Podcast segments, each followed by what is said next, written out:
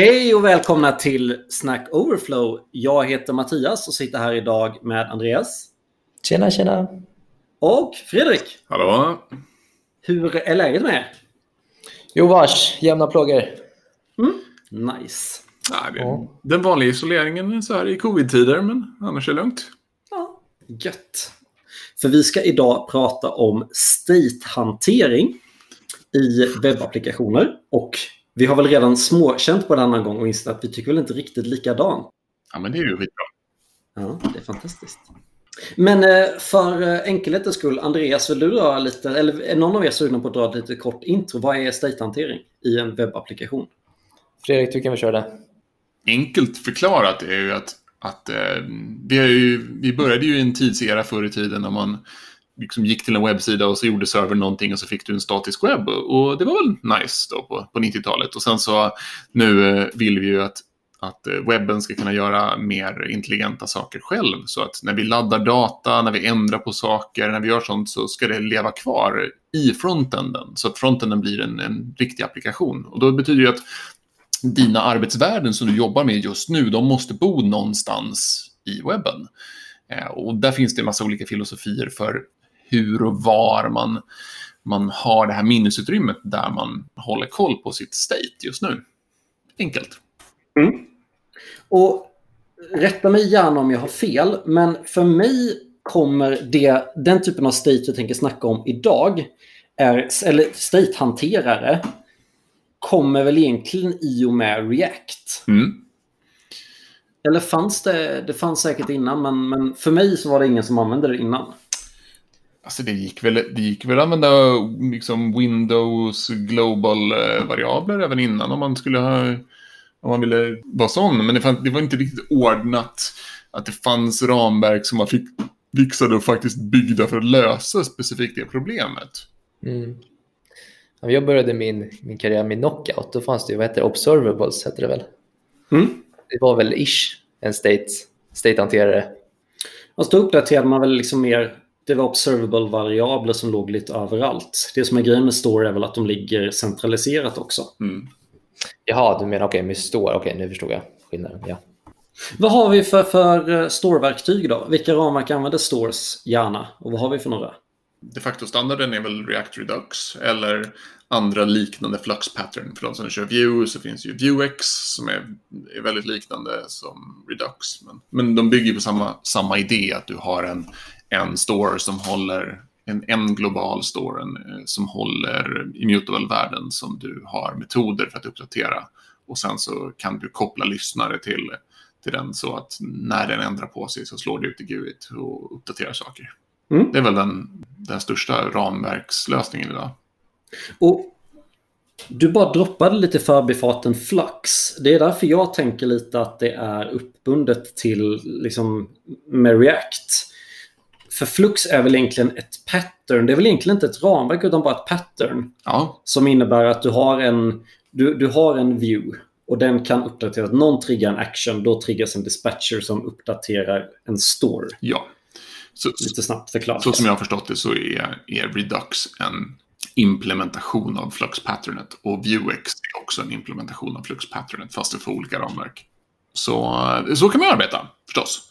Men, men det finns ju ganska mycket folk och kritik mot att, att sure, Redux är bra, men det är samtidigt ganska komplicerat. Det är ju det är ganska mycket du måste förstå för att, att bara ha en webbsida som du gör saker med. Mm. Eh, Mattias, du, har, du hade väl andra erfarenheter av att köra eh, React, fast inte med Redux? Mm. På mitt förra uppdrag så körde vi React, men vi hade inte Redux.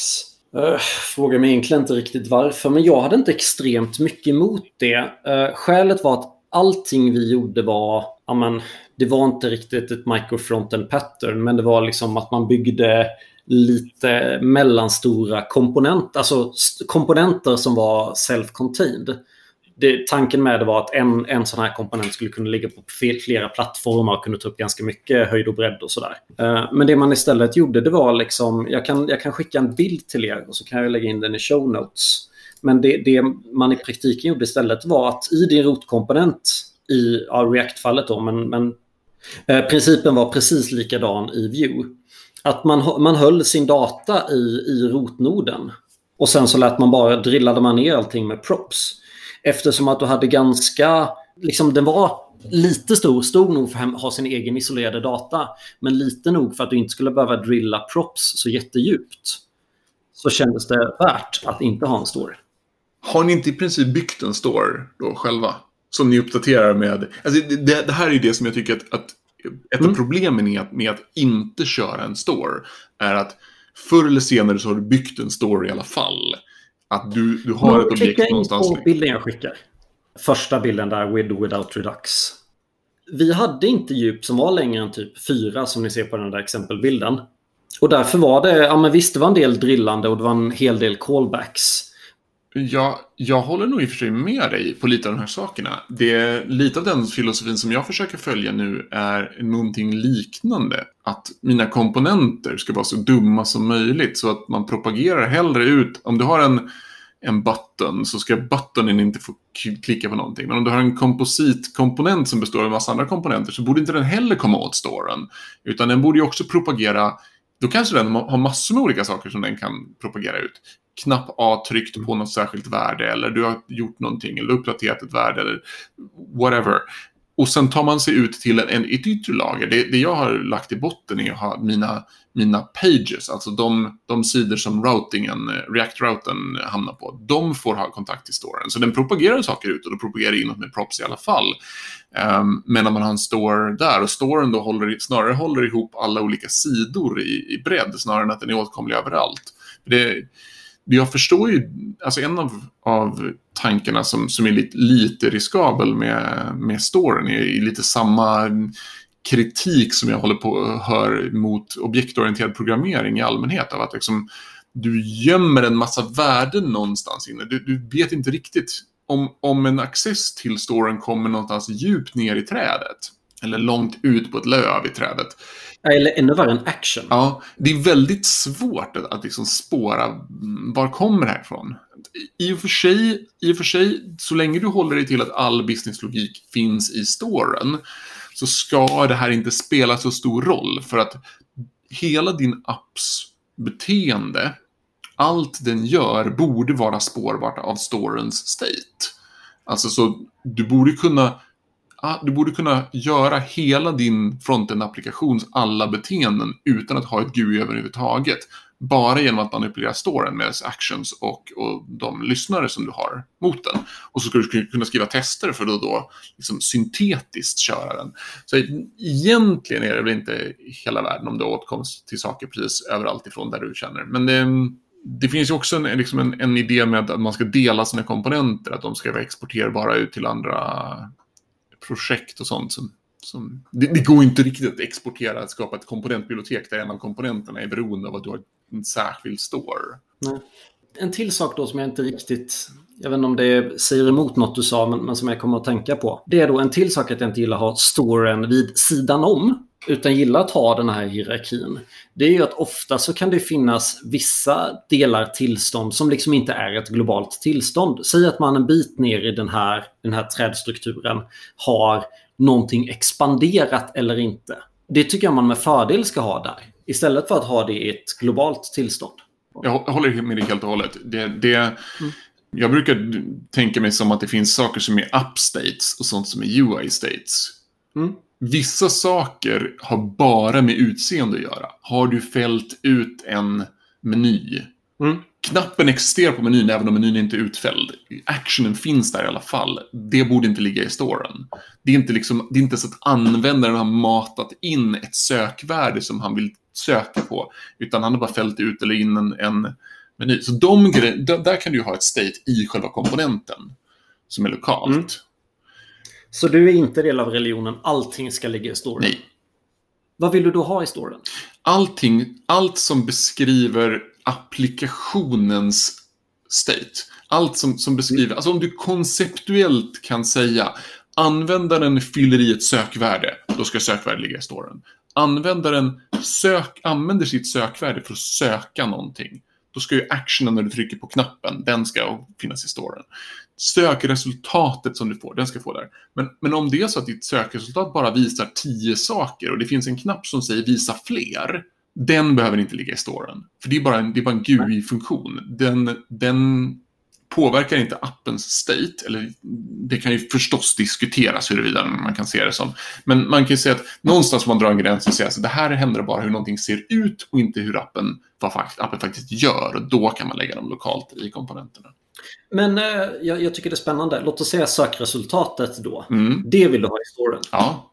För att det vill jag ju helst gärna kunna, typiskt sådär som man vill kunna casha. Jag vill ju liksom inte att om jag klickar bort från min komponent och klickar tillbaka, då, då vill jag ju att det sökresultatet ska kunna finnas tillgängligt kvar, till exempel. Mm. Det kan ju vara, mm. det kan vara en API-slagning, som vi har det nu, så tar våra API-slagningar liksom, allt mellan kanske 2-3 sekunder till kanske 30-40 sekunder beroende på hur stora tidsintervall man söker på.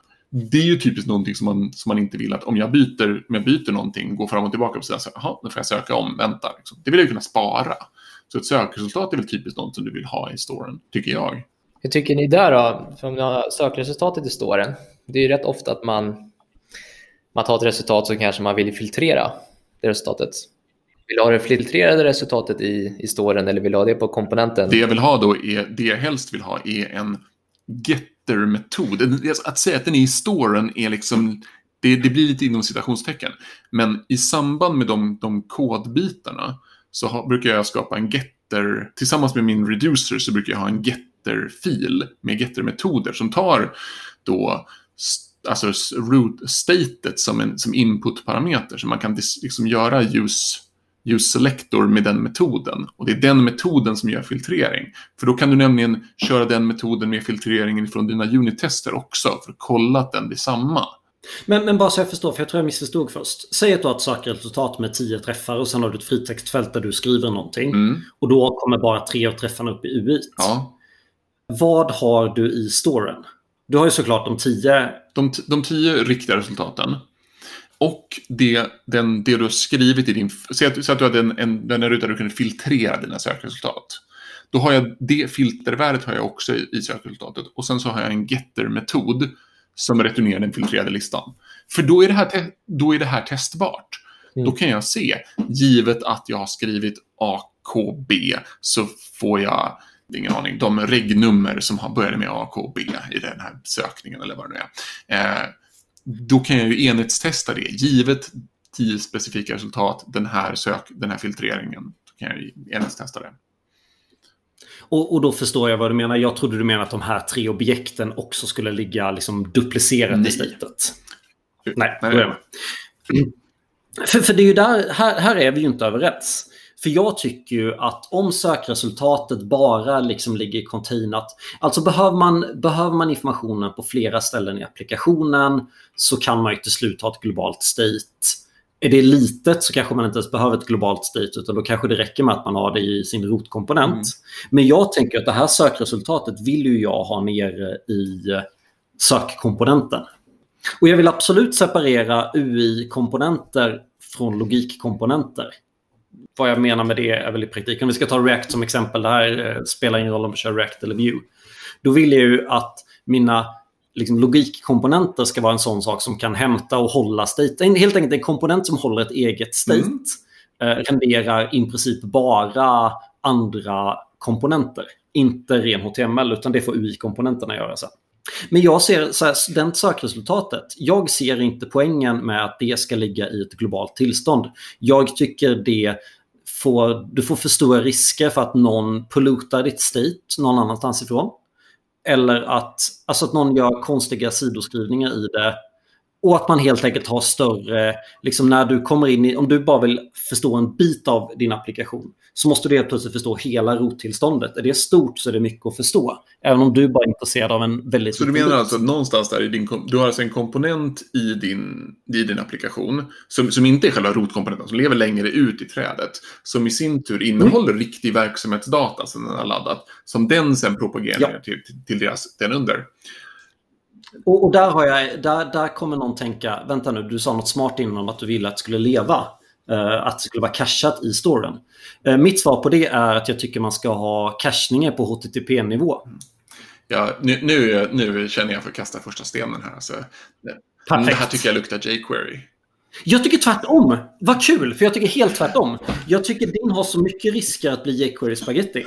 Ja, Men det, det låter ju nästan lite som att du vill säga att man, man kör flux-strategin eller patternet i sin applikation. Det är som att du vill ha flux på vissa delar men flux inte alls på vissa ha, delar. det, det, det jag är emot då, jag gillar att, jag har inget emot någon typ av store pattern eller hur man, liksom hur, hur, och sen hur du implementerar det eh, skiter jag lite vilket. Men jag tycker det är dumt att många använder då som defaultmönster att man ska ha allting i ett globalt tillstånd Jo. För hela applikationen. Utan jag vill kunna dela ut det. Du kan ha en, liksom, att du har en komponent på liksom, andra nivån i trädet eller tredje nivån. Alltså den här, den här logikkomponenten som vi pratar om. Sök, hela söksidan ska ha sitt eget state. Sen om det är en egen Redux-store. Då kan du använda React eh, State eller Use Reduce eller något sånt där. Eller data i Ja, på ja den. precis. Ehm, jo, jag förstår vad du menar. Jag förstår vad du menar. Och, och du sa jQuery. Jag är ju rädd för spagettin. Tänk, du har din söklista. Den här fritextfältet. Tänk om någon annan helt plötsligt börjar skriva i det. Och sen så hoppar man tillbaka till söksidan och då har man ändrat sökfiltreringen och då kommer din getter i ett annat resultat. Mm. Alltså, du har filtrerat någonting. Du har gått från 10 till 3 träffar. Du klickar in på en av objekten. Men du är inte ansvarig för själva sidan man kommer till när någon klickar på en av de här tre i listan. Då har den personen full tillgång till statet och skriver därför över fritext. Vad har man sökt i fritexten? Och det kan ju vara en feature. Mm. Det kan ju vara så att man har ett så pass globalt tillstånd. Alltså, vissa saker kan behöva vara ett globalt tillstånd. Man kanske behöver en global store av något slag. Men jag tycker det är dumt att det ska vara defaulten. Jag tänker säga en sak till innan du får bryta mig. För det är ett av skälen, det, det, det man oftast har som exempel tycker jag, eller de jag har hört, varför man ska ha en global store, vad Facebook ville lösa för problem. Det var hur många olästa, det är notifieringen ettan där, du har en oläst av någonting. Att den var svår att hålla i synk. Då var det liksom så här, hur många olästa har vi av någonting? Och då lyfter de upp allt sånt i ett globalt tillstånd. När du läste någonting på din vägg så blev siffran uppe till högre uppdaterad. Så den typen av globalt tillstånd, har man det, då, då måste man ju ha någon typ av globalt state. Men jag tycker det känns som att de apparna jag har gjort väldigt sällan har det. Men, men man kan ju tänka sig, det finns ju ett, finns ju ett extremcase åt andra hållet också. Alltså att den sidan du har är ganska lite av en applikation och ganska mycket av en, ja, men, en sida. En mer en, en nyhetssida eller någonting som är mer, mer av statisk karaktär. Där om du har väldigt få beteenden där användaren faktiskt matar in någonting som påverkar, utan det handlar mer om att du ska ladda saker och presentera dem. Då kanske du vill gå helt åt andra hållet och göra dina laddningar där de händer. Alltså nästan gå hela vägen tillbaka till jQuery-världen. Liksom att, att i din komponent någonstans ute där du behöver data ifrån backenden så, så laddar du den där och, och renderar din... Alltså, det går ju att gå hela vägen att nästan att, att ha väldigt lite states som du faktiskt propagerar mellan saker, utan mer har saker där de är. Givet att du skriver en applikation som, som är av den naturen. Det, det, är ju lite, alltså det finns ju en risk om vi sitter här och rekommenderar ett pattern för alla applikationer. Om du då sen har applikationer som, som inte ser ut som, som våran mentala bild av, av hur en applikation ska se ut. Säg att du ska bygga en tidningssida, som du kommer till sidan så ska du liksom trycka ut tusentals artiklar. Då kanske det finns krav som ställer till att, att, att, att ha en story kanske är fullständig idioti. Att ha ett, ett, ett liksom objekt i botten är kanske idioti, utan snarare kanske är det att du renderar ut tusentals komponenter och de komponenterna i sin tur an, har ansvar själva för att liksom, göra backend-anrop och han, hämta sitt innehåll. Du kan ha den typen av, när du har någon sorts dashboards patterns med, med kod som skrivs av olika team. Ju mer mikrotjänstaktig du blir, även om det kanske inte är det, men, men, men ju mer sånt beteende du har, desto mer kanske, du- kanske vill distribuera ditt store, ditt state åt andra hållet istället. Du sa att vi inte ska rekommendera något speciellt. Jag tycker vi ska rekommendera någonting speciellt. Eller jag vill rekommendera något speciellt nu. Jag tycker man ska ha datan, liksom, när du skapar upp din mentala modell, som den här trädstrukturen, den här första bilden jag pratade om. Jag tycker man ska ha datan så när, alltså där, där första gången man har en delning, att man behöver den på två ställen. Alltså du vill ha den så, så långt ner i en trädstruktur. Om, om roten är längst upp så vill du ha ditt state så långt ner som det bara är möjligt. För då behöver du förstå så lite av... Då, behöver du, då kan du jobba med ett subträd av din applikation. Har du någonting som, är, som behöver ligga på rotnivån för att det delar sig redan i första förgreningen, låt det vara där då. Mm. Hur unitestar man en sån här? Nej, respektive komponent.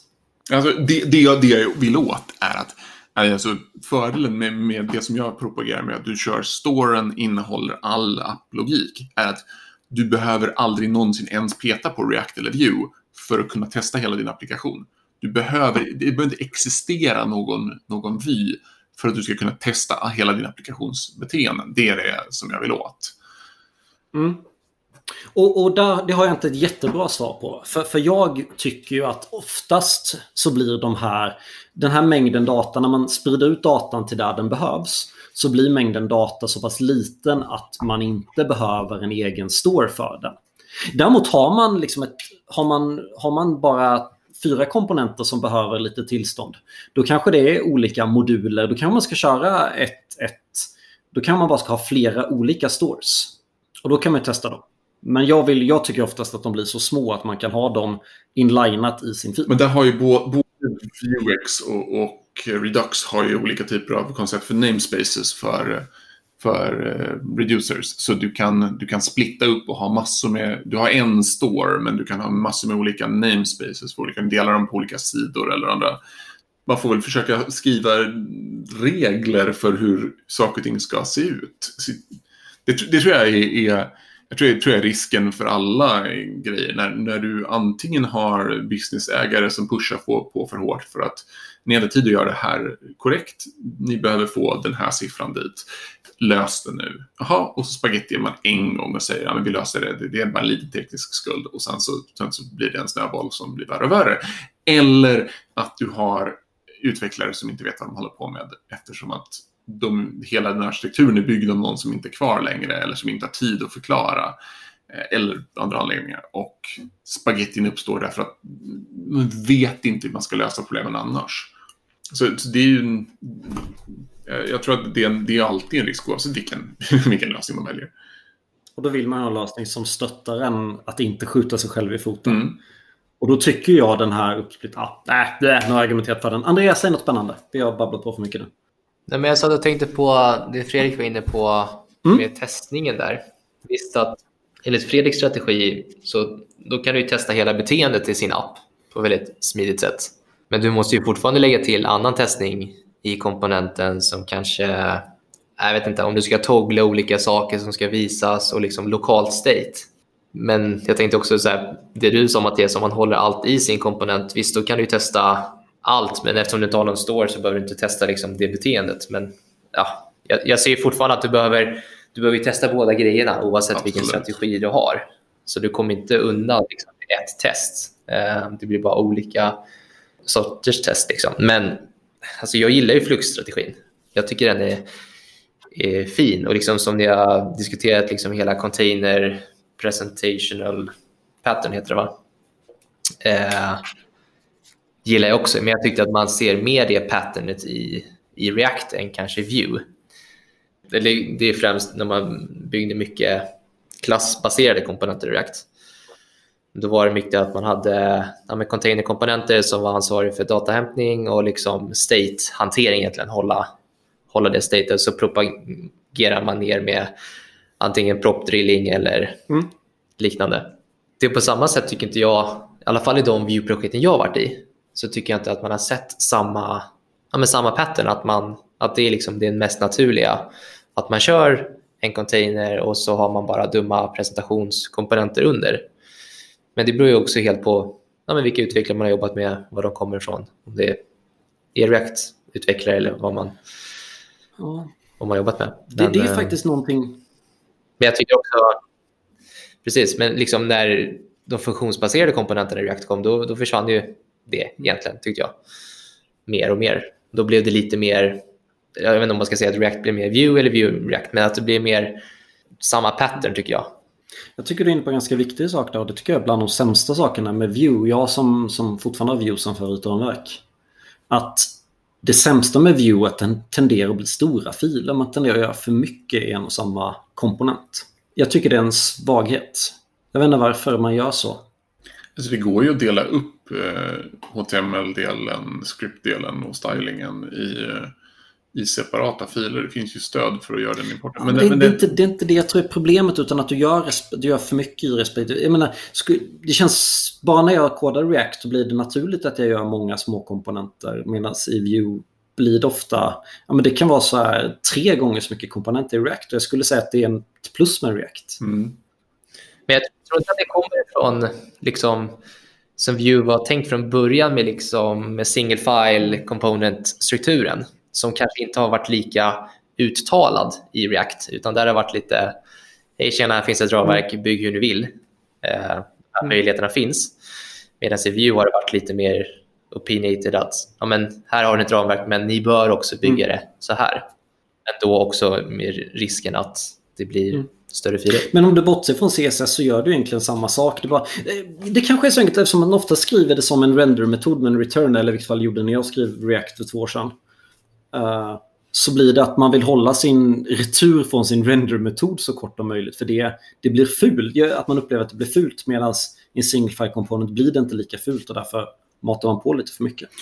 Ja, det går väl egentligen att direkt ett till ett mappa en Reactive View egentligen. Jo, det är klart det.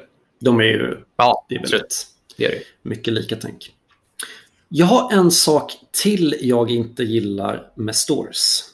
Och det är, du var inne på det här med fritextfältet då Fredrik. Mm.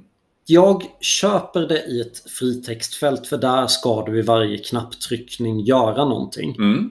Men någonting jag inte gillar med stores det är att de, och, det är väl lite så, nej, jag, jag tycker det, det gillar hur de löser det i View med tvåvägsbindningarna. För formulärfält, en vanlig inputruta med text, den har ju liksom, om du stänger av JavaScript har ju fortfarande den ett eget tillstånd i sig själv. Den har ju en text. Ja. Men det första du gör när du gör en Hello World med en textruta i React, det är ju att du kortsluter det egna det-statet. Om du gör en bugg i din Hello World textfält i React, då går det plötsligt inte att skriva det i textfält.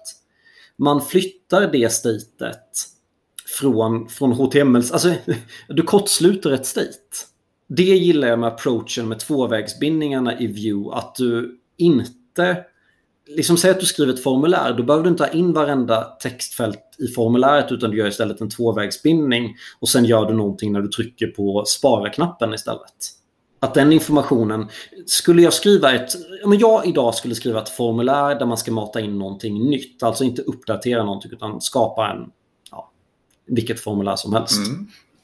Jag skulle inte slänga in det i statet utan den här komponenten skulle ha det i, liksom i, sitt, eget, i sitt eget state. Jag skulle inte slänga in det i storyn förrän du trycker på add-knappen eller lägg till eller spara eller vad den är. Mm. Jag skulle nog faktiskt välja att hålla med dig i det fallet om, om någonting är... Det beror helt på. Om du har en sån här, om du har en sån här mata in-grej där du har liksom sex steg där du ska mata in ditt namn och sen ska du mata in lite data och sen ska du mata in ett kreditkortsnummer och så ska du inse att oj, jag valde fel adress och så går du tillbaka och så förlorar du. Då, då finns det mm. värde med att ha någon sorts store. Även om det, det kanske inte ens behöver vara i själva store-storen. Det kanske ett lokal, en lokal då en, en lokal som variabel i botten på, på den. Och sen så när du faktiskt trycker save på slutet, då skickar du, då gör du liksom din on create metod som, som returnerar någonting. Det, det kan mycket väl vara eh, rimligt. Alltså jag tycker det där är från fall till fall. Alltså någonstans så finns, kan du ha ett internt arbetsstate på någonting. Ja, och det är det agerar för att man ska ha väldigt mycket mer i det. Att man inte ska ha ett globalt tillstånd som default. Mm. Utan defaulten ska vara att man har, tillst man har tillståndet så nära som möjligt. Mm. Det, det. Du vill inte ha ditt state ditt store, du vill ha ditt state så långt, ja, för mig ner, för Fredrik upp. Och, kära lyssnare, när jag säger toppen, då menar jag toppen av trädet. Uh, för mina träd växer neråt. Så jag tänker trädrötter, medan Fredrik när han tänker träd växer uppåt. Så när Fredrik säger botten av trädet och jag säger toppen av trädet menar vi samma sak. Jag tycker också att ni jämför olika typer av state om man ska flika in där och vara lite objektiv så. Alltså, men Fredrik han bollar ju liksom arbetsstate, det som händer på användarens initiativ. Så här, jag börjar fylla i ett formulär, hej och hå. Och det är liksom det är inget som händer innan användaren tar action på det. Medan du har ju kommit vidare, du har ju redan fått ett sökresultat av användaren och fått förmodligen API-anrop. Liksom, så där tycker jag att den, den typen av state bör vara i storen, men den andra typen, om du håller på att fylla i formulär och sådär, det händer oftast jättemycket saker medan du fyller i. Alltså, du, vad händer om ditt personnummer är 14 siffror långt? Jo, då får du ett valideringsfel. Men det valideringsfelet, det vill du, du vill kunna enhetstesta det valideringsfelet och du vill kunna se att ditt telefonnummer är av rätt, liksom, redan när du skriver in det. Och du vill kunna se att när du skriver en e-post, du vill kunna validera den. Du gör oftast mer saker än bara precis på slutet. Du fyller i tomma rutor som inte vet någonting och så trycker du på ja. Du gör ofta saker under tiden i alla fall.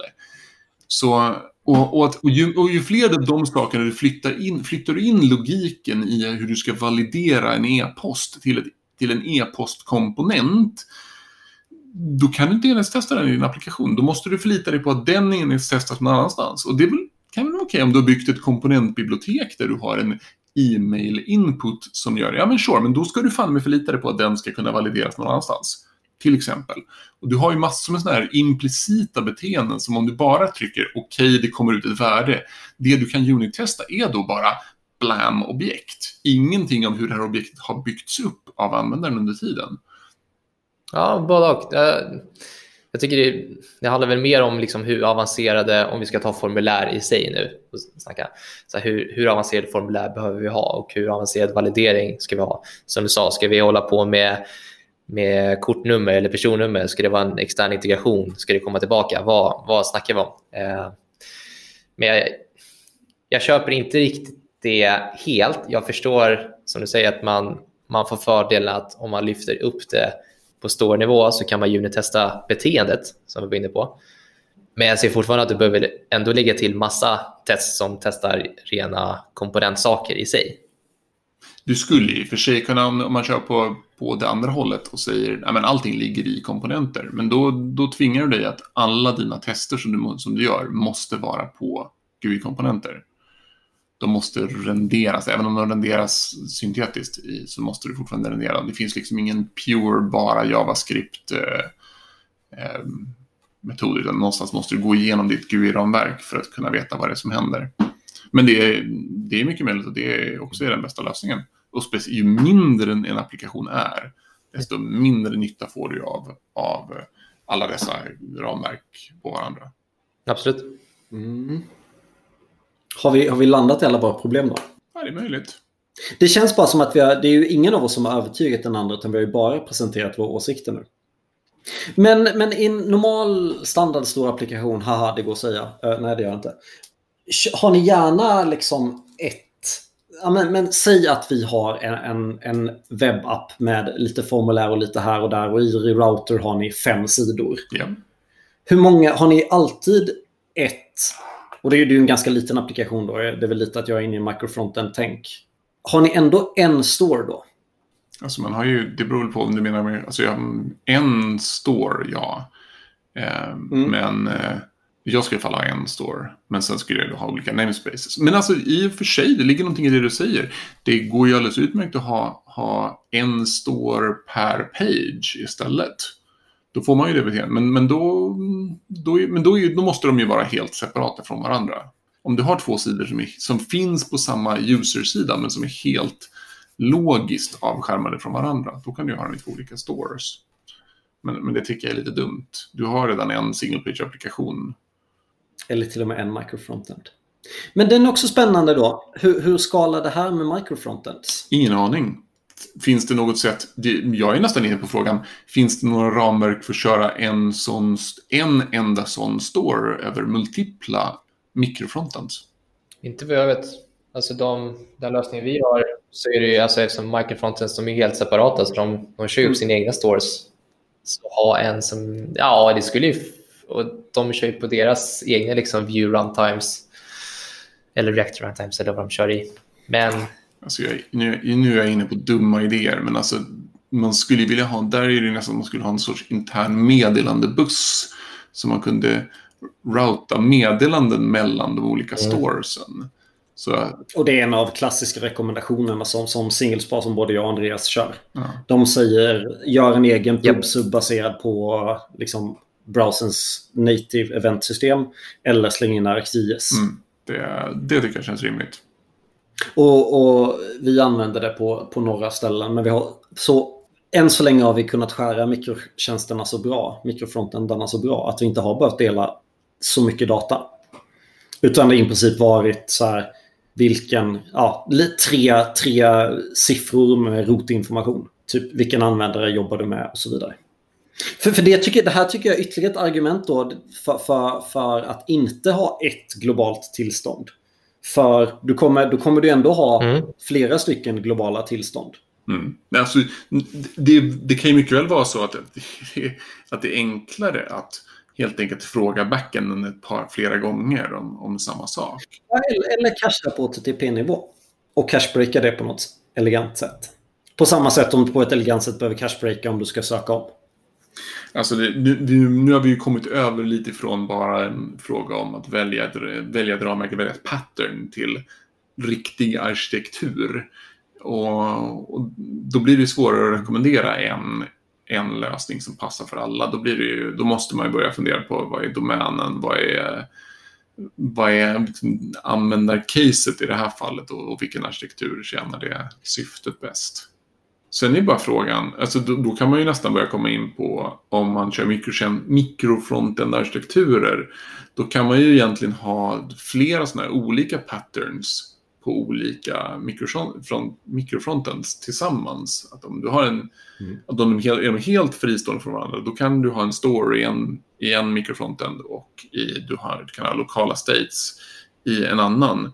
Och du kan trots allt Mm. med, kommunicera mellan med, meddelanden mellan dem om du skulle vilja också. Är vi på den nivån, då, då blir det lite, lite annan skala på saker och ting. Nej, alltså jag, jag tycker ändå... Jag, ni, har inte, ni har inte det minsta övertygat mig.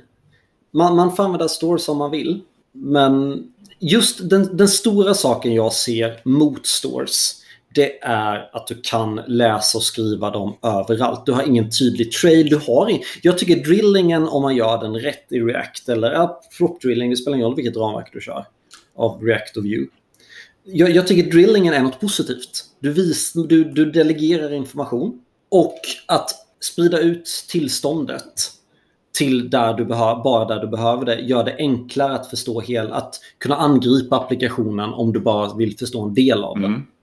Vill du angripa en applikation genom att förstå hela på en gång och förstå allting som kan hända i den, då är ett store pattern bättre. Men jag tycker inte det är det man ska optimera för. Nej, och, och det, det som jag ser som motargument mot det är att den här att du ska ha åtkomst till statet från alla ställen tenderar att vara så som, om jag säger så här. Jag har allt för många gånger stött på lägen där businessägare vill komma in och säga Jo, men vadå, om ni ändrar på någonting här, det måste ju slå på den här saken. Vadå, du vet väl att, att någonting påverkar? Det, den här fina ordningen när man kan hålla saker från varandra är väldigt ingenjörsmässig, men, men raseras ofta i, i, liksom, i mötet med den faktiska kunden eller användaren som, som, vill, som vill ha något annat. Så, så möjligheten att, att kunna komma åt alla states från alla ställen i applikationen är, i, liksom, ja, det är en feature. Det är det som jag är ute efter. Sen är jag fullt medveten om att jag kan skjuta mig själv i foten i och med att jag har den möjligheten. Det går fort att göra fel. Exakt. Men det är å andra sidan fruktansvärt jobbigt om du hamnar i ett läge där, där du har två stycken separata komponenter som är helt, olik, helt separerade från varandra. Och, och du vet konceptuellt att de har absolut ingenting med varandra att göra tills dess att din kund kommer och säger att, att om du, det där fältet som du gärna på i den ena, det måste ju slå på saker i den andra, det vet du väl. Och då sitter man i skiten. Om, det här inte, om, om någon begär ett spagettibeteende och ditt, din kod är antispagettiad, då är det svårt att... Det blir, liksom, det blir fruktansvärt svårt att lösa. Nej. Eller alltså, det, det, det blir snyggare med en store. Men, men för mig, eh, du lyfter upp statet på till, ja, upp i mitt fall, ner i ditt fall, till roten. Mm. Du lyfter upp den här, det här objektet eller vad det kan vara till roten och sen får du drilla det. Det blir mycket drill, det blir lite fult på det sättet. Men du har det väldigt tydligt liksom så att ja, men den här datan är delad på två helt olika ställen. Och då tror jag att man kan börja fundera på, är det fel? Då tror jag det är något annat som är fel. Och det jag säger då är att när du har lyft någonting till den absoluta roten, då har du byggt en store. Och, det, och mitt argument är att det slutar med, ofta med att du bygger en egen store som är sämre än de, de ramverk som finns som löser store-beteendet åt dig. Men, men då, en sak, en sak, viktig sak. Jag är emot att en store är global. Så visst, jag kan, jag kan köpa att du kallar att man byggt en egen store. Men det är en store som inte är accessbar globalt. Jag har nog inget emot... Du kan nog ha en store på många ställen. Och, och du kanske vill ha en store i vilket fall. Men den, för att du ska kunna enhetstesta den på ett bra sätt. Uh, den kan ligga i en egen JavaScript-fil. Men den ska bara användas från en komponent. Alltså den ska, den ska kunna få hämtas ut från... Liksom, den här storen finns bara i det här lövet och drillas bara neråt. Ja, jo. Det är inte det lite tanken då med mm, namespaces? Ja. De skyddar inte från det. Du kan komma åt alla namespaces överallt ifrån. Det är bara ett namn på någonting. Och med namespaces, det, det är Vuex namespaces va? Det finns inte i React? Jo, det finns i React också. Eller kan Redux för dåligt? Det finns Redux okay. också. Kan React för dåligt? Alltså, men, lite man ska säga är att, att eh, det finns egentligen ingenting, alltså när vi säger att vi skyddar oss från någonting, det, det finns egentligen ingenting som hindrar en, en, en dålig utvecklare att säga nu kommer inte åt den här så jag tar den här och så flyttar jag upp den till roten och så propagerar den överallt. Eh, du kan göra samma, det är bara det felet är lite knöligare att göra. Jaha. Och någon kommer i en pull request säga men du, nu har du inte löst det verkligen. Nu har du gjort en, en enkel lösning, inte en smart lösning. Det här borde du göra om. Medans default-patternet i React, eller med stores, är att du kan bara... Du kan väldigt enkelt, väldigt snyggt, med väldigt snygg kod göra väldigt fult beteende. Mm. Och det är mm. default-sättet att göra det på idag. Det är det jag är upprörd över och det är därför vi pratar om det här idag. Woo! Ja, det, det roliga med jag, jag kan ju säga att jag förstår vad du menar därför att jag har personligen byggt ett pattern som påminner om det du säger där storen bara är åtkomlig i rot. Där, där, du bara, där jag som regel säger att du får bara komma åt storen i dina pages. Och att komponenterna som är i trädet måste vara stateless. Eh, så, så jag har lite byggt lite av det som du säger.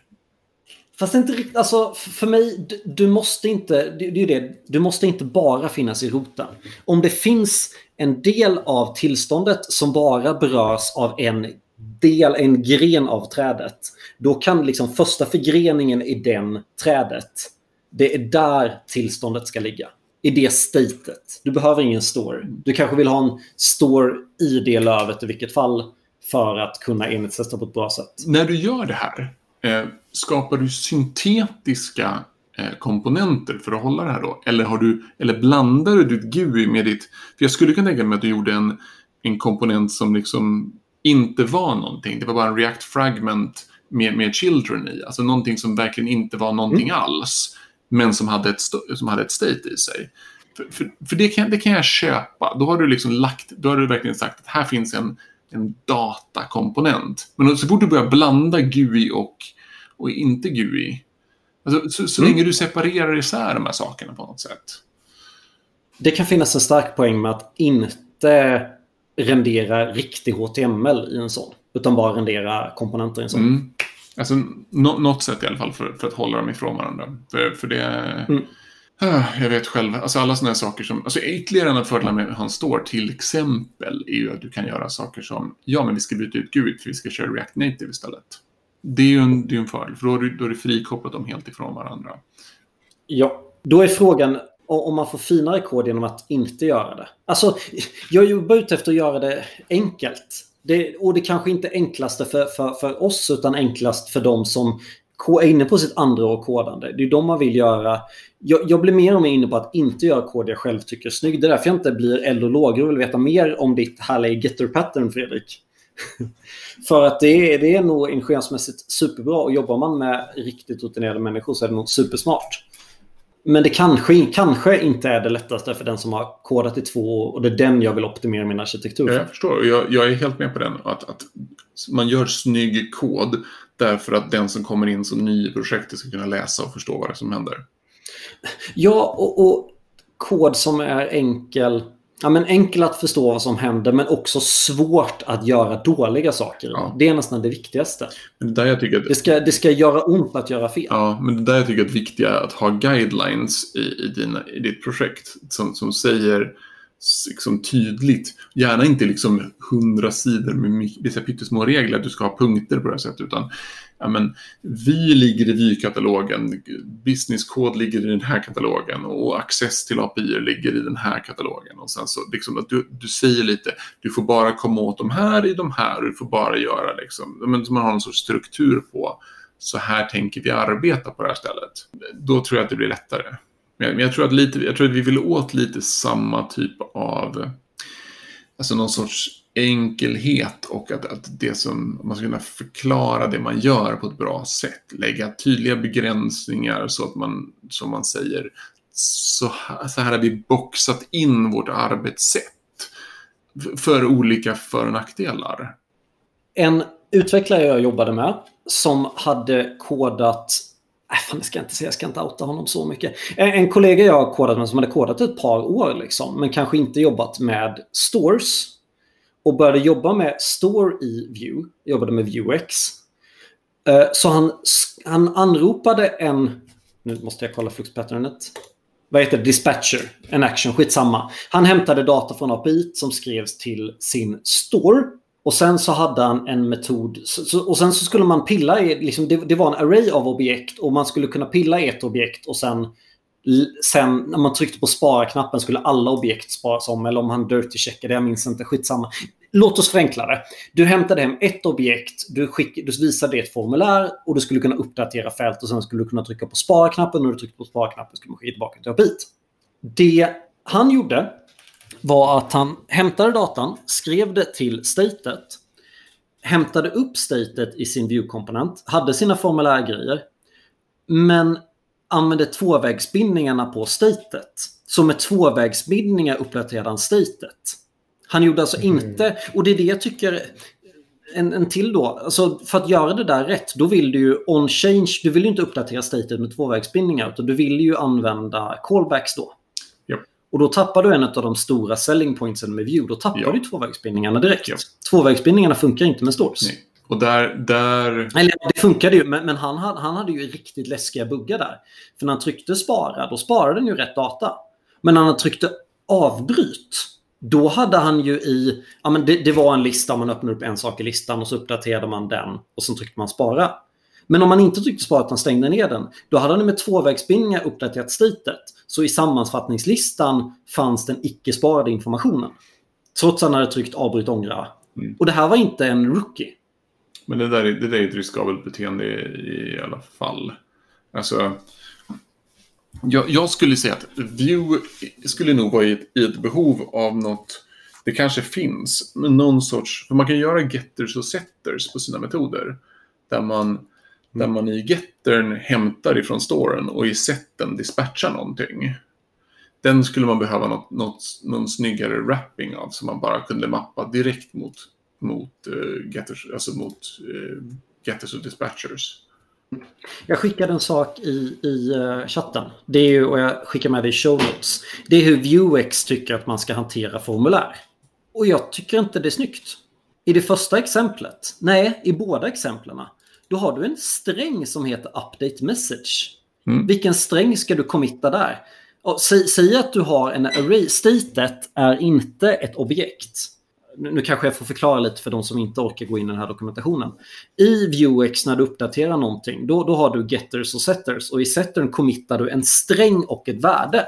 Den här strängen är på något sätt en nyckel in till det fältet yes. du håller på att uppdatera. Så om du har om ditt state är en array av saker och du vill upp en array av objekt där ett av fälten objektet är e-postadress. Då måste du i commit skriva liksom indexet eller id till det här objektet för att kunna i storen sen kunna hitta upp det. Punkt e-mail då. Med strängar. Mm, nej, det är väl mycket bättre att, att du skickar, du committar ett För du committar väl, den kommer väl till en metod i storen, i Vuex-storen. Det du borde göra är att ha en update value eh, som är din, din nyckel. För nyckeln ska inte vara dynamisk. Eh, den ska vara hård. Men då behöver du istället en metod för alla fält. Istället för att skicka med ditt värde som du ska ändras så skickar du med ett objekt som har en nyckel till det som du vill ändra på. Alla dina e-mail, bla bla bla och value. Och sen använder du kod Ja, men den som... nyckeln är ju en sträng. Den måste du skapa Mm, jo, jo, men, men du har en nyckel som heter typ update. update eh, säg att du har, en, du har uppdaterat person. Så istället för att säga update... I, I objekt nummer tre i arrayn. Ja, absolut. Ja. Då, då har du en som heter eh, update array. Det är din nyckel, din Mm. strängnyckel. Och värdet som du ska skicka den metoden är ett objekt som har position, eh, new value Mm. och så vidare. Så att du skickar, istället för att skicka för själva värdet så skickar du ett objekt som wrappar det värdet med de nycklar som du behöver för att göra den. För du, du får inte ha liksom din... Men det är fortfarande sträng. Jag vet, jag tycker att du, hel... ju hela men. TypeScript kan, kan hjälpa dig en del med det här. Jag vet inte om Vue, Vue och Vuex är tillräckligt ihopmappat än för att få det snyggt. Eh, det är ena att- För om du, om du har, om du typar de här så att de är, du har en, en action-typ någonstans som är av en sträng eller en annan sträng eller en annan sträng eller en annan sträng. Då kan du få de här så att det du skickar är inte en sträng utan en typ som har ett, ett, ett enum-antal av olika strängar. Jag vet inte om det, det går att göra i React. Eh, men jag personligen tycker att det här är ett helvete och jag la, la jättemycket tid på view-tiden för att bygga runt det, det här beteendet. Att du skickade, och du, du hade statiska, riktiga metodanrop istället. Som kunde vara typade. Eh, det var bara att i view var det hysteriskt jobbigt. Och där kan jag också flagga för dagens, eh, jag har min, eh, dagens tips på precis, Du tänker på tjuvstart? precis det. Jag bara hintar om att det, Ah, jag har en du- du sån, teasar bara. om att jag har en sån på gång. Nej, men för, så här. För mig är browsern eh, knappar, eh, text och, och eh, jag tänker säga det tusen gånger. Knappar, textfält och eh, text. Och jag tycker att stores funkar förbannat dåligt med, med formulär, med textfält. Med den argumentationen att du behöver någonstans, du har i din store en metod för att uppdatera någonting. Mm. Och där behöver du ha någon nyckel för att hitta tillbaka till det objektet. Mm. Det är därför jag gillar Vue. Jag gillar de tvåvägsbindningarna. Och tvåvägsbindningar och stores är inte kompatibelt. Nej. Jag förstår vad du menar. Jag tycker det är inte... Lider, hur lever Vue med tvåvägsbindningarna kontra hur gamla Angular JS gjorde det? Får du dålig prestanda av dem eller, eller är den bra om du har många tvåvägsbindningar? Du kan inte, alltså så här, du kan inte ändra så många samtidigt, så jag vet inte. Det är, React, det, det Angular hade problem med var det problem att rendera det. Och, och den, nej, de, de är bättre. Mm. För det är inte, det är inte att det här trädet, den behöver inte dirty-checka ett träd för att se vad kan ha förändrats. Utan det är en, en smartare hantering av det. Eftersom att det är getter och setter på objektet den skriver över. Mm. Nice. Men eh, det kan, det, kan det helt enkelt vara så att en del av, av grundproblemet är att, är att Vue och React lämpar sig väl för lite olika grundfilosofier på de här problemen? Av att, att, Mm, så kan det vara. att React är liksom, att Redux passar väldigt bra till React. Men att, men, Men men har Vue- du har samma problem där. Du har en metod i storen som heter uppdatera det här värdet i storen. Och sen behöver du, om det är något komplext, så behöver du skicka med på något sätt en identifierare för att hitta till det värdet. Ja, men du har inte de här tvåvägsbindningarna som en sorts default-beteende i... Att, att det är liksom ett, det, att det är filosofin, att det är så man ska arbeta. Det känns ju som att det är bättre att försöka committa till, om det finns en grundfilosofi, så här är vårt ramverk, så här funkar vårt ramverk bäst. Då, då kanske Vuex är mer av ett, alltså att det är lite, att man har liksom tryckt in Vuex i Vue snarare än att, att, det, att de är helt naturligt byggda för varandra. Eh, och att och det finns andra bindningssätt som, som är bättre lämpade för Vue än vad det är för React. Så att den där 1-1-konverteringen, liksom, du, du får den som någon sorts lost in translation i, i, emellan, emellan den konverteringen. Men oavsett vad så blir ju det här, tycker jag, argument för varför det är bra att ha flera stores i sådana fall. Då, för att hålla den här nyckeln, identifieraren för att hitta tillbaka till det här objektet så kort som möjligt. Om du har en store, då behöver ju nyckeln som beskriver värdet du ska uppdatera vara hela ja, om du har ett stort store behöver nu identifiera hur man hittar ner till det här värdet igen. Är ni med på vad jag menar? Jag kan nog säga att jag skulle nog hellre föredra att ha objekt med nycklar snarare än arrayer av saker. Det är mycket enklare att ha en serialiserad nyckel mm. som består av, liksom, men du serialiserar din e-post och ditt personnummer och någonting mer till en, du kan till Base64-enkoda det till en nyckel och det är din nyckel i objektet. Det är mycket enklare än att hitta någonting i en, en array. Du behöver minst inte leta, du kan bara nyckel, pang, här är den hashmässigt. Liksom. Mm. Så om ni skulle skriva en stor applikation nu imorgon, starta ett nytt projekt. Då skulle ni sätta, börja mata in allting i en store ändå? En, den skulle ju namespacea den ut i, i massa olika delar. Eh, och, och, och där får man väl liksom se till att, att inte folk bara gör saker kors och tvärs eh, mellan namespaces. För det är ju mitt stora problem med det här. Jag inser ju att jag inte tycker som alla andra. Och då kommer inte dokumentationerna säga som jag gör. Och därför så, om, om, jag, inte ens, om jag inte lyckas övertyga er kommer jag inte lyckas övertyga någon känns det som. och, och då har jag fel. För jag gör inte de facto-sättet just nu. Men, men kan man säga så här att det sättet som du tänker är li, alltså påminner ju lite om mikroarkitektur arbetssättet av att, att du, gör, du gör någon sorts mikroarkitektur även om det är inom samma applikation. Så att det, det, är liksom, det är ett vettigt arbetssätt i alla fall. Att säga men vi vill försöka stänga in våra states i, i de dess minsta möjliga containers. Alltså, jag är inte övertygad om att det, att det är dumt rent filosofiskt. Jag, jag, är bara inte säker på att, att den tekniska lösningen är riktigt liksom, där än. För om du kör mikroarkitektur, kör du single SPA, då kör du ju ditt arbetssätt rakt upp och ner. Det är ju så man gör, bara att de hålls isär av att de är riktiga egna applikationer. Oh, men, men jag tycker även där, jag hade ju en microfronten som växte upp till, till fyra routes. Sen ska den nog splittas upp ändå. Uh, den hade lite olika ansvarsområden. Lite olika team ska maintaina. Mm. Skitsamma. Uh, där hade jag ju, till de här fyra routesen, hade jag två stycken som delade på en riktig Vuex-store. Och de två andra behövde inte ens en store. Nej. För de var liksom, där, där använde jag verkligen bara en av routsen, det var bara en komponent en containerkomponent som renderade upp liksom ett registrerade i, alltså renderade upp ett formulär.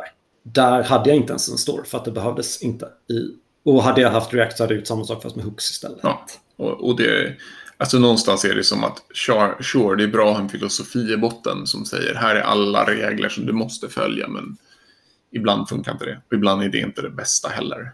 Men jag menar, gå in och rekommendera och säga jo men gör som du vill, det behöver ingen arkitektur, du bara skriv koden där du känner för det. Liksom. Det, det, det, är ju det som är dumt, att man säger, men okej, jag tror på det här, jag tror på att det är så vi ska göra och sen så får vi kanske anpassa oss lite allt eftersom som vi kommer någonstans. Då är det dags för uh, veckans tips. Vem vill börja? Yes, jag, jag kan ta den först.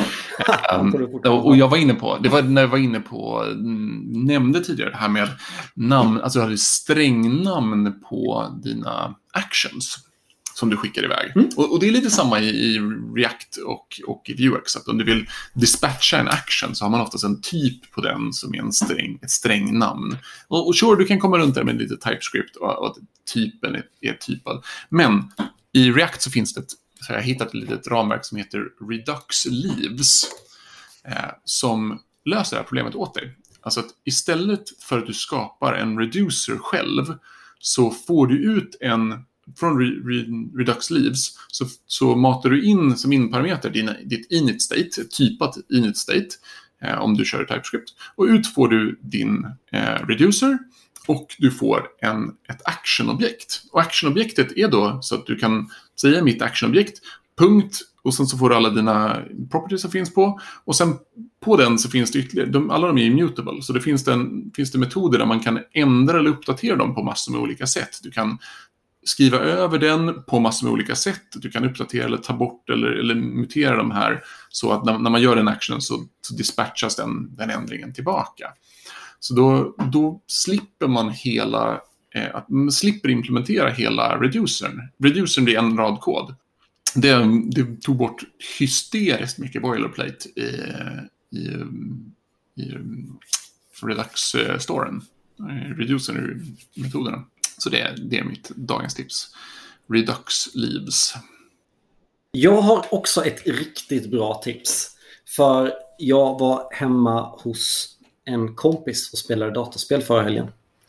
Och vi försökte hålla oss, men efter fyra år i Early Access så släpptes ju 24 augusti på riktigt dataspelet Factorio. Och, och jag har inte rört det nu efter att ha spelat det i, i säkert 300 timmar inte fantastiskt mycket, men så här lagom mycket. Så, så, så var vi på det igen. Och, alltså, nu hade jag inte rört det på ett år och det är fortfarande lika fantastiskt. Factorio är ett spel som handlar om att bygga... Det, det är en construct and management simulation game. Du bygger, du, du börjar med att du bryter dina, du, du står med en hacka och hackar järnmalm och, och kol och koppar. Eh, och när du har spelat en timma så automatiserar du byggandet av automatiseringsfabriker. Och därifrån blir det bara värre. Har du något att tillägga Fredrik? Kul. Ja, absolut. Jag, är kanske, jag kanske inte lagt 300 timmar, men jag kanske lagt 150 timmar eller någonting åt det. Eller kanske lite mer. Det ska inte förvåna mig. Men sådär 65 timmar in i, ett, in i ett game med fyra man som har suttit och jobbat i, i flera veckor. Så... Jobbat? Alltså, det, det, det, roliga med Factorio är att det är systemutveckling the game. Det är liksom det som gjort för systemutvecklare. Det, det är liksom det som typ av jobb. Vi, när man har spelat i en grupp människor så börjar man fundera på att vi kanske behöver en scrum master för att fördela arbetet. Det, det, det är liksom metaroligt för den som kan systemutveckling. Det är magiskt. Andreas? Mm. men jag tänkte, vi snackade i mitt team på uppdraget här i veckan just om det egentligen vi hade suttit och snackat om lite nu. Kanske inte så mycket, eller inte lika blodigt. Men då det finns, då fick jag tips i alla fall som jag tänkte tipsa vidare om som jag tänkte prova nu helgen eller kommande vecka som heter Overmind som är då en state-hanterare som marknadsför sig som frictionless state management. Eh, som påminner lite om Flux. Jag har inte läst på riktigt om det är Flux all the way. Men om man kollar kodexemplen så ser det väldigt fluxigt ut. Så det tänkte jag tipsa om och prova. Men de säger att de fokuserar på utvecklarupplevelsen. Så det är alltid positivt. Så uh, det finns. Uh, och vi bygger ju svält uh, bibliotek, så vi tänkte prova det där. Men det finns ju för de andra stora ramverken också med Vue och React och Angular och, eller Strangler som vi brukar säga. Ah, när ska man börja köra svältet då? 2019 är kanske rätt svar på det. Ja. Har du tid att svara på frågan? Ungefär så. Eh, ja, absolut nu efter att vi har kört svält i ett år så skulle jag säga men det beror ju alltid beroende på vad det är för liksom, behov såklart. Nu har vi byggt eh, ett komponentbibliotek med svält och nu tycker vi att det liksom börjar bli så pass moget och så pass bra att man kan köra det i produktion. Det har varit lite, nej, lite problem, så här, lite filosofiska problem som vi har liksom bollat direkt mot faktiskt Rich Harris. Så här, men hur tänker ni här? Eh, och de har lite annan filosofi i svälten kanske de andra stora ramverken. Men jag skulle kunna säga att ja, men om man ska bygga ett komponentbibliotek, det funkar för oss. Vi har ändå haft Chrome 53-stöd. Eh, så det, det har funkat. Men jag skulle inte våga säga ja, men gå och bygg svältappar, för det vet jag inte. Eh, om du ska dra in Zapper och om du ska dra in ja, men någon state-hanterare som Overmind. Det har jag noll koll på eh, och kan inte rekommendera. Men för vårt behov, det passar bra absolut. Coolt. Har inte Svelte så här schyssta fördelar med att det är i vilket fall på en små applikation är väldigt liten bundle size? Eftersom att det inte kommer med en runtime. Mm, precis. Eh, jag tror att när vi jämförde vårt föregående komponentbibliotek med, med det nya så kunde vi, tror att vi kunde halvera det eller något sånt där. Så det var rätt bra. Men svält är ju väldigt litet. Liksom. Och svält är väl bland de lättaste att konsumeras av de andra. Alltså om du, om du ska göra dina UI-komponenter så ska den kunna konsumeras av fler ramverk. Jag vet inte om jag varit inne på det någon gång innan. Funkar det? Ja, alltså nu, export, nu använder vi custom element-specen, så nu, mm. alltså web components. Så nu det funkar ju oavsett, precis så. Eh, men om man skulle exponera ut som ja, vanliga svältkomponenter, Nej. det vet inte jag. Nej, jag, men, jag menar som custom elements. Men, men blir det inte lite krockar med React då? Eller är det inte så? Är det en myt jag har hört? Ja, vi var ju nere på Öredev och då var det ett stort snack att React hanterar eventdelegeringen lite dåligt. Eh, jag har inte provat det här och våra team som kommer in nu i vår plattform har inte börjat prova det, Nej. så jag kan inte Nej. svara på det. Nu måste jag... Då börjar väl bli dags. Vi hörs. Tack för idag. Ciao, ciao!